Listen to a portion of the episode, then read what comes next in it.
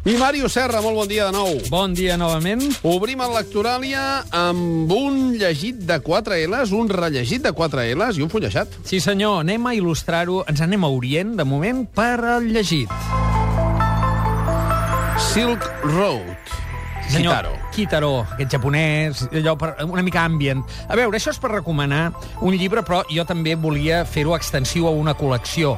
Kairos, que és l'editorial de referència per tota la qüestió de l'espiritualitat, ha obert, amb aquest llibre i amb d'altres, una línia en català, després de molts anys que no havia fet, no? Uh, amb un parell d'autors d'aquí, el que recomanem avui, Tao, les ensenyances del savi ocult d'en Josep Maria Romero. També està en la versió castellana de Cairós de sempre, però aquesta és la eh, aproximació al, a aquest taoisme, aquest tao, que és el principi vital oriental, que és una cosa molt etèria, molt difusa. De fet, el mateix autor a mi eh, m'inquietava al principi dient què és el tao, allò que no podent ésser definit se suggereix poèticament.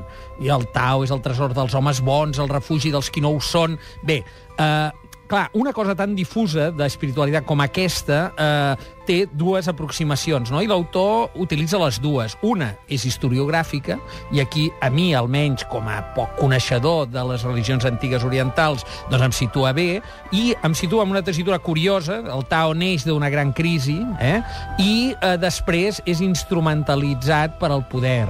A, a partir de Confuci, és a dir, el taoisme que té una arrel clarament llibertària, individual, després s'institucionalitza i existeix com una religió establerta. No? Jo que l'he llegit també, Sí. crec que també s'instrumentalitza per part de l'autor en aquest cas, perquè el títol és Tao Sí. i no, no tens el Tao. No, tens sí. la seva interpretació del Tao Correcte. aplicada a la crisi actual. Aquesta és la segona part. Aquesta és la part que veus que l'autor, diguem, eh, gaudeix d'aquest paral·lelisme de dir el Tao en el seu moment neix d'una crisi d'un sistema polític com el xinès, molt complex, i aleshores ho trasllada cap aquí. Clar, diguem, és una temptació, i, i en, en aquest sentit és interpretatiu. No és un llibre informatiu, no és un manual, eh? és interpretatiu Però en format de digest. manual. Sí, Aquest, sí. Aquí és on la frontera per mi trontolla. Sí, a veure, hi ha un capítol, per exemple, que és clau en aquest sentit, eh, que és el capítol de la, eh, una teoria de Confuci, que és la doctrina de rectificació dels noms, no?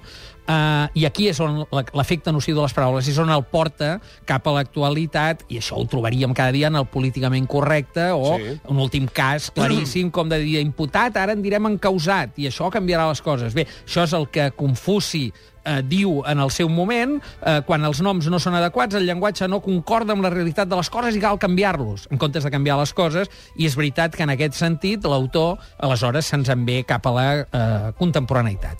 En tot cas, és un llibre, diguem, eh, d'un assaig interpretatiu. Però que si el títol fos El món actual, Sí, a través del- vist del des del Tao. Tao, i jo em dic Romero, doncs seria fantàstic. Està bé. Doncs eh, jo Si crec tu que és... un- llegeixes Tao a la portada, les Sí. ensenyances del savi ocult, Sí. dius, pot ser que el savi ocult sigui Romero.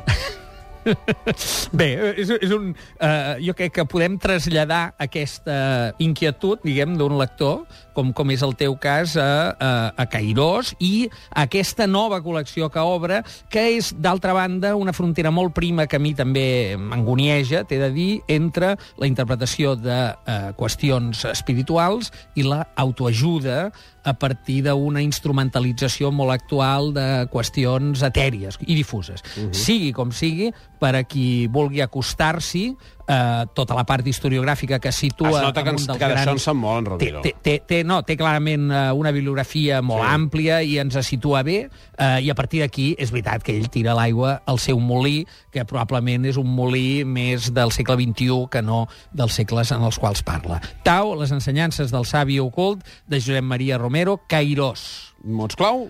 Tao Te King, eh, saviesa, percepció i orient. Necesaria una aventura. Ara és Pedro Guerra, qui canta Mar de Màrmara. Sí, senyor, això és per il·lustrar, ja que partíem d'Orient, Li i altres relats.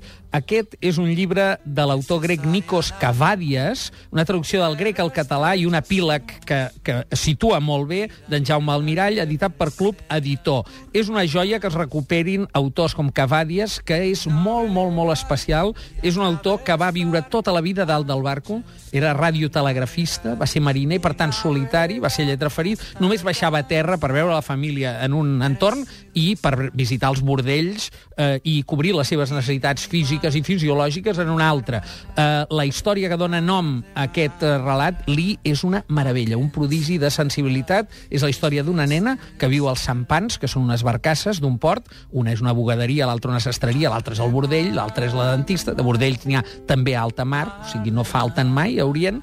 Eh, aquesta nena no ha baixat mai a terra i de sobte el protagonista té una relació amb ella molt interessant, la porta a terra a veure son pare que l'havia abandonat i realment és una petita, una petita meravella. Lee i altres relats, Nikos Cavadias, un autor desconegut, coetani de Cavafis. Mots clau? Mar, solitud, recerca, deriva i guerra. Un tintin sense Tintín i la contorsionista canten els catarres. Sí, senyor, i això és per il·lustrar el fullejat d'avui, que és un Som i serem tintinaires, entre parèntesi, d'en Joan Manuel Soldavilla. Eh, ho edita a Contravent. És tot sobre Tintín, per part d'un dels fundadors de l'associació Milu, que és una associació que van haver de posar-li el, el número 1001 perquè els que tenen els drets de, de Tintín són tan animals que perseguien i quan s'havien posat eh, associació de tintinaires o no sé què, els perseguien i es van posar 1001, però com que és en català no ho entenen i així no els hi poden rebatre, no? Eh, en Soldevilla el que fa és resseguir com un veritable agent secret el periple de la creació d'Arger per les terres catalanes. Evidentment, amb Joaquim Ventalló al principi, però arriba a buscar el primer nen que està Ventalló documentat... sensacional amb el llamp de ran. Exactament. És qui ho va adaptar al català, Joaquim Ventalló, eh, en castellà la Cendrera, la filla de l'editor, i eh, ressegueix una mica la història i arriba, que això fa molta gràcia, a documentar el primer nen que se sàpiga que va llegir Tintín. I era el fill de Luis Romero, que avui en dia és un reputat metge, diria, Javier Romero, que eh, son pare en un article en un diari deia que amb el seu fill li regalava això l'any 64, diguem, Carai. no? Eh, és a dir, és un llibre per a tintinaires, tintinòlegs i amants de Tintín. Som i serem tintinaires. Joan Manuel Sol de Villa a Contravent. Màrius, moltíssimes gràcies. Fins la setmana que ve. A reveure.